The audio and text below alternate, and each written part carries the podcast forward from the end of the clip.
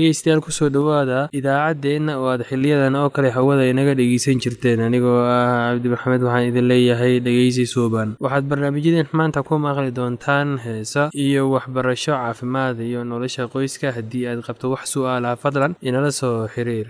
Ciwaankeenna waa radio somaly at yahu dt com. Mar labaad ciwaankeenna waa radio somaly at yahu dt com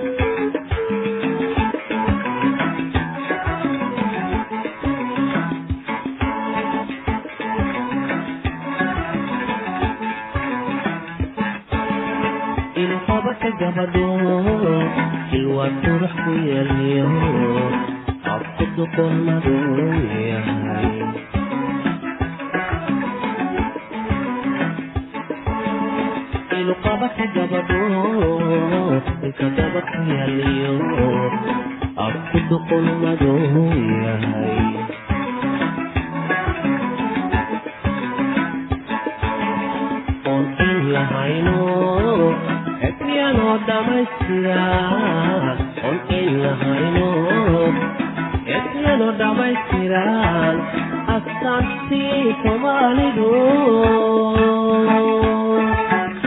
idinkood ka muuqda laadkaysa waayo ucdisow idlansow kumaanara ucdisow idlansow kumaanara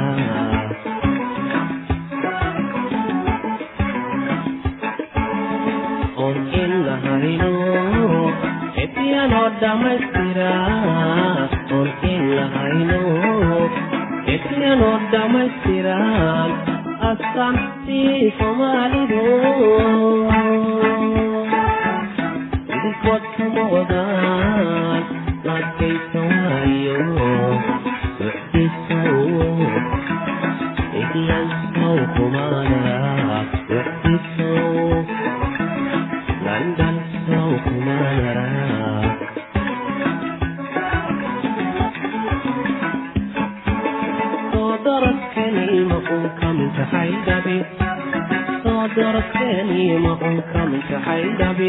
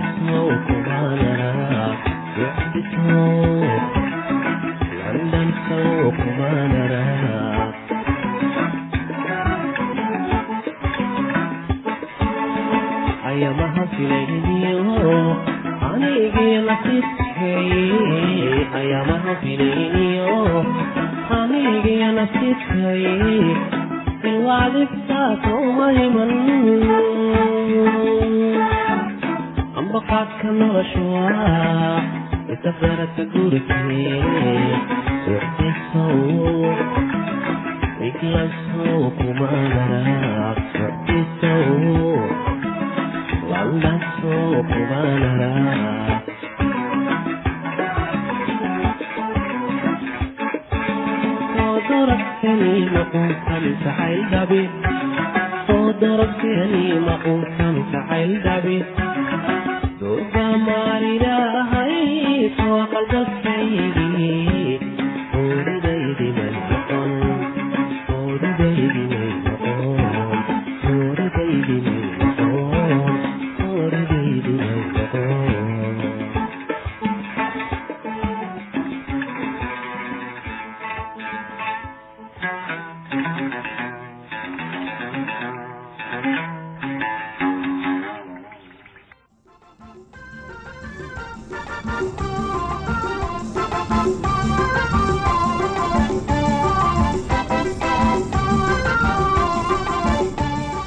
Haddaba anagu rabno in aan casharo kale ka soo diyaarino siyaabaha tbda maanta iyo dunidu loogu dabargeynayo iyo siyaabaha loola dagaalamayo iyo noocyada tb ay jirto. Casharada dambe aan rabno in aan ku soo qaadano. Haddana waxaa loo baahan yahay in aan ku soo gabagabeyno cashirkeena siyaabaha tbda loo daaweyn karo. Daaweynta keliya tbdu ma aha in qofkii daawo keliya la siiyo. Daawo keliya ma aha maxaa yeelay daaweyntu waxaa ugu horeyso qofka xadidida in la xadido la karantiilo oo laga ilaaliyo meelaha oo cudurku uu mataqaanaa gaari karayo. Maxaa yeelay bulshadu uma baahna in ay xiriir la sameyso cudurkanit maxaa yeelay dadaan waxba ogeyn ayaa qofka bini-aadanku mataqaanaa qaadsiin kara cudurku. Uu bulshadu intuu iska dhex galo maqaayadaha iska fadhiisto ku salaamo mataqaanaa meelaa ku sheekeysanaysid iska sheekeysto marka waxaa loo baahanya qof bini-aadanku in uu la socdo hadba dhibaatada cudurka uu sii yeelan karo haddii iyo bulshada qaado. Kan wax daaweynaya iyo kan la daaweynayo iyo bulshadaba intaba waxay u baahan yihiin mataqaana taxadar ayaa loo baahan yahay.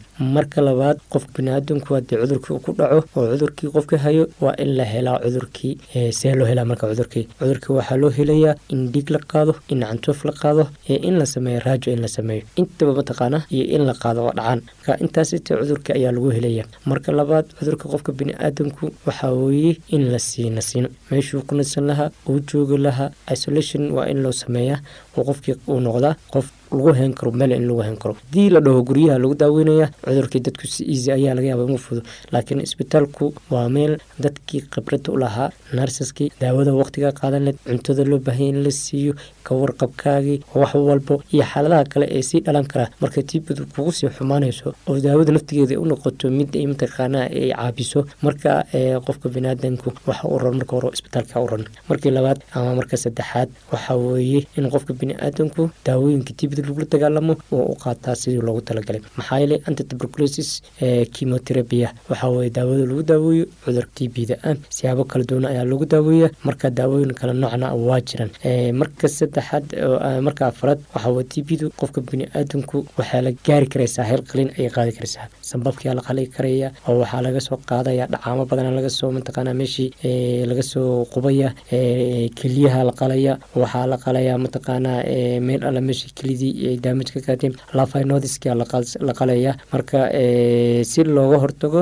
mataqaana cudurka in uu mataqaana sabab tibadu waxay ku dheci kartaa lafdhabartay ku ciri kartaa waxayna keeni karaysaa beraabalajiya wax la oo waxa qofka waa curyaamayaan. Marka meelahaasoo dhan waxaa loo baahan yahay surgical ayaa loo baahan yahay oo waxa weeye lafdhabartii waa la qalayaa dhacaanka meesha laga soo daadinaya keliyii dhacanka laga soo daadanaya marka marka alla markii mataqaana qofka baniaadamku taawadii looga waayo oo looga cali waayo marka maxaa yeelay xubnihii ayaa waxay sameeyeen isbeddel ku dhacay. Marka isbedelkaasiti dhacaanka meeshii weli ku daahaya. Marka si aan dhacaanka meesha ugu daahin ama xubnihii aynu sii mataqaanaa dhibaatoobin ayaa qalliinka loo sameynaya. Marka waxa weeye marka lagu daaweynayo oo daawo ay tahay waxa weeye kliniga la yiraahdo refabisin refabisin waa kanini marka loogu talagalay in qofka bini-aadanka lagaga daaweeyo cudurka ama wax alla wixii disease ah oo infectionkooda xoogan yahay. Marka kaniniga waxaa jiro kale insonazid la yiraahdo isagana sidoo kale thambithol ayaa jiro kanini streptomizin oo cirbad ayaa jirto. Marka waxaa jirto pyrazin nimin marka intaasiti waxaa loo baahan yahay in mataqaana la qaato waqtiga quraacda ka horeyso. Marka waxaa loo baahan yahay in qofka bini-aadanka ama waqtiga uu raashinka cunay. Marka waxaa loo baahan yahay in qofka biniaadanka ula socdo. Sideedaba intaasoo daawad markaa qaadanaysid ciyaalka kaniniga rebabasinka la yiraahdo waxaa waa toban ilaa labaatan miligram oo culeyskiisa lagu dhuftay. Adaltska waa afar boqol iyo konton miligram konton kilogram marka uu yahay culeyskiisa marka marka qaarkoodna waxaa la siin karaa weydka ka badna lix boqol miligram ayaa la siinaya insonazid acid ee kaniniga la yirahdana carruurta alaa waxaa miligram kilogramka soo loo fiirinaya adaltska waxaa la siinayaa laba boqol ilaa saddex boqol oo miligram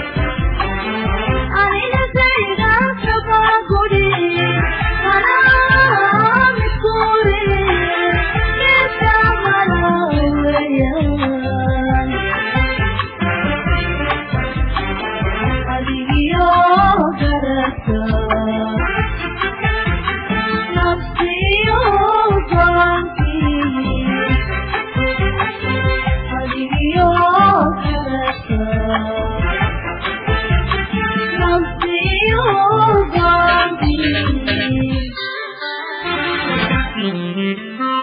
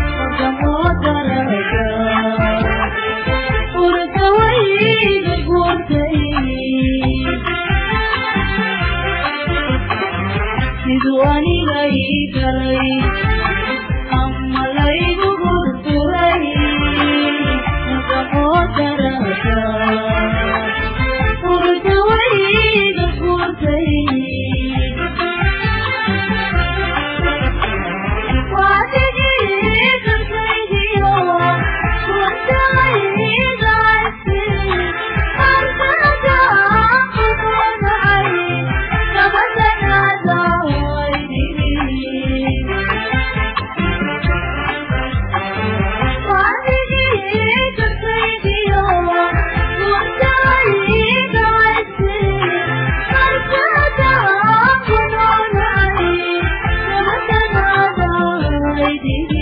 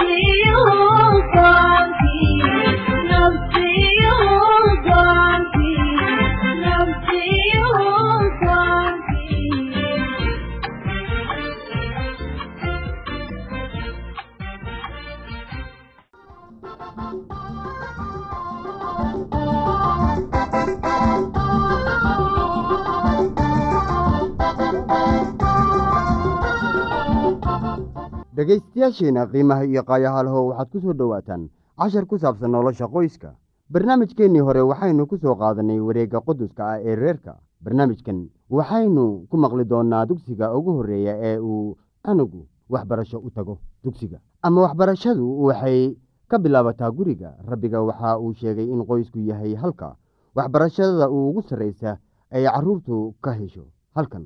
Iyada ah weeye halka la doonayo inay waxbarashadu ka bilaabato iskoolkiisa ugu horreeya ayaa halkan ah. Halkan oo uu waalidkiisu u yahay midka tusmada siinaya ayaa waxa uu ku baranayaa casharo noloshiisa hogaamiya kuwaas oo ku saabsan dulqaad sabar iyo adeecid.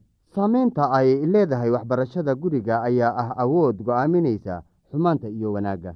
Waxaa dhici kartaa haddii si loo fiiriyo inay yihiin kuwan qarsoon oo degan laakiin haddii loo riixo ama loo durkiyo dhanka saxa ah inay noqonayso awoodda runta iyo xaqa. Haddii canugu aan halkan lagu sixin shayddaan ayaa isaga wax baraya isagoo ugu imaanaya jidadkiisa oo goonida ah ee uu isaga doortay. Haddaba miyaad aragtaa sida ay u muhiimad tahay waxbarashada ay carruurta guriga ku qaataan? U arag guriga inuu yahay iskoolka carruurta lagu tababaro. Halka aad carruurta ugu diyaarinayso sidii ay ku qabsan lahaayeen howlahooda khaasatan tan guriga iyo bulshada laga doonayo. Waxbarashada guriga aad ayay muhiim ugu tahay carruurta waa arrin murugo leh taas oo ah arrin adduun weynaha oo idil laga qirtay in waxbarashada carruurta guriga lagu siiyo ay tahay mid la laayacay beryahatan ma jirto wax ka muhiimsan waxbarashada ay carruurtu ku qaataan guryaha. Kuwa ka qayb qaata waxbarashada ayaa iyaguna waxay meel weyn ka ciyaaraan mustaqbalka iyo as-aaska carruurtan ma jirto shaqo lagu aaminaya bani aadamka taas oo xambaarsan natiijooyin waaweyn oo aan ka ahayn shaqada hooyada iyo aabbaha waa carruurta iyo dhallinyarada maanta kuwa sutiga u haya mustaqbalka bulshada carruurtan iyo dhallinyarada waxay salka ku hayaan oo ku xiran yihiin qoyska. La'aanta barbaarin iyo tababar aan wanaagsanayn ee xagga qoyska waxaa maanta laga arki karaa kuwa faraha badan ee ay mustaqbalka mustaqbal xumada haysato iyo bulshadii ay qabsatay dembi sida dhaca xatooyada boobka. Haddii nolosha qoyska ahaan lahayd mid nadiif ah oo run ah haddii runtu loo soo barbaarin lahaa hab ay ku awoodaan inay la kulmaan mas'uuliyadda iyo khatarta ay noloshu xambaarsan tahay. Maxaa isbeddel lagu arki lahaa adduunkan? Canug kasta oo adduunkan la keenay waxa uu ka mid yahay xoolaha rabbiga waana in wax loo baraa oo loo tusaaleeyaa si uu u jeclaado una addeeco rabbiga. Waalidiin fara badan ayaa waxay laayaceen mas'uuliyaddii uu ilaah siiyey. Iyaga oo ku dhacay inay wax baraan oo tababaraan carruurtooda shayga ugu horreeyana uu yahay in la baro kacabsashada rabbiga. Iyaga oo dadaalaya waalidiintii waa inay eegaan maskaxda furan ee carruurta taas oo si fudud wax u qabsata. Oo wax weliba ee ay guriga ku samaynayaan uu ahaado mid carruurta anfacaddo oo kaas oo u fududaynayo inay ilaah adeecaan waxaa intaas inoogu og casharkeennii maanta. Haddii eebba idmo waxaannu dib iskugu soo laaban doonnaa wakhti dambe. Waa heegan oo idin leh nooli kulanto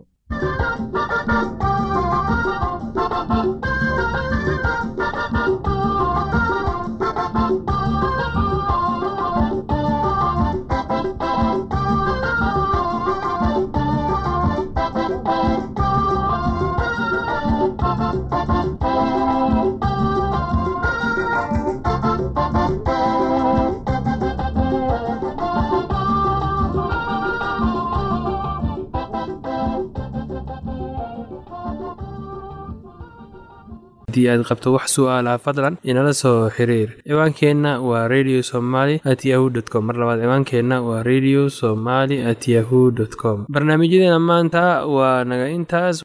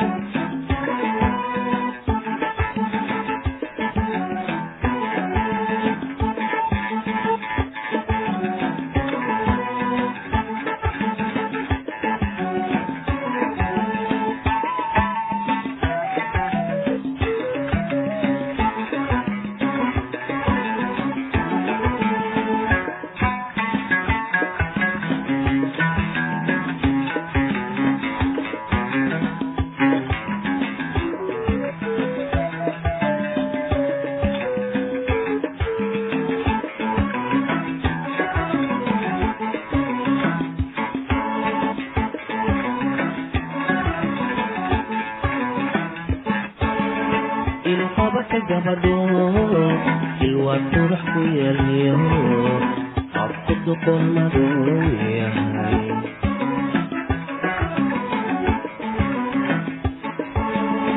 ilqabaka gabadho ilka gaba ku yeelyo qabku duqolmadu yahay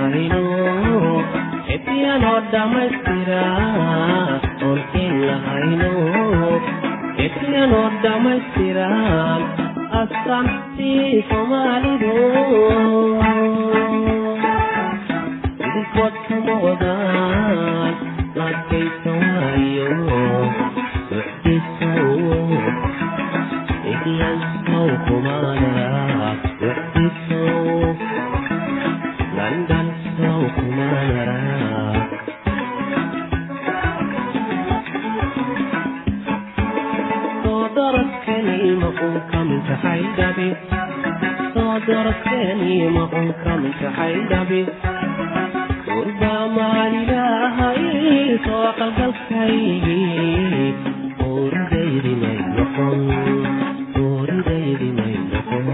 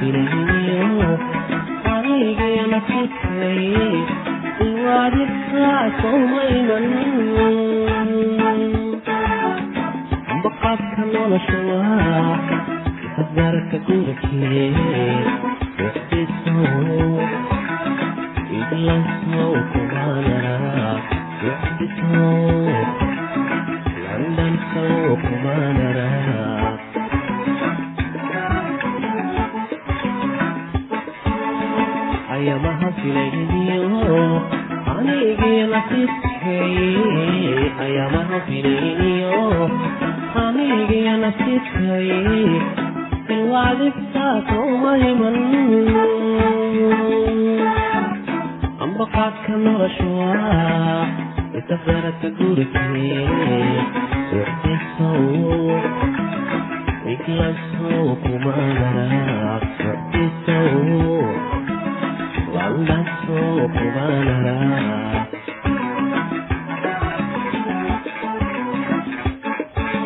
soo dorabkani maqunkan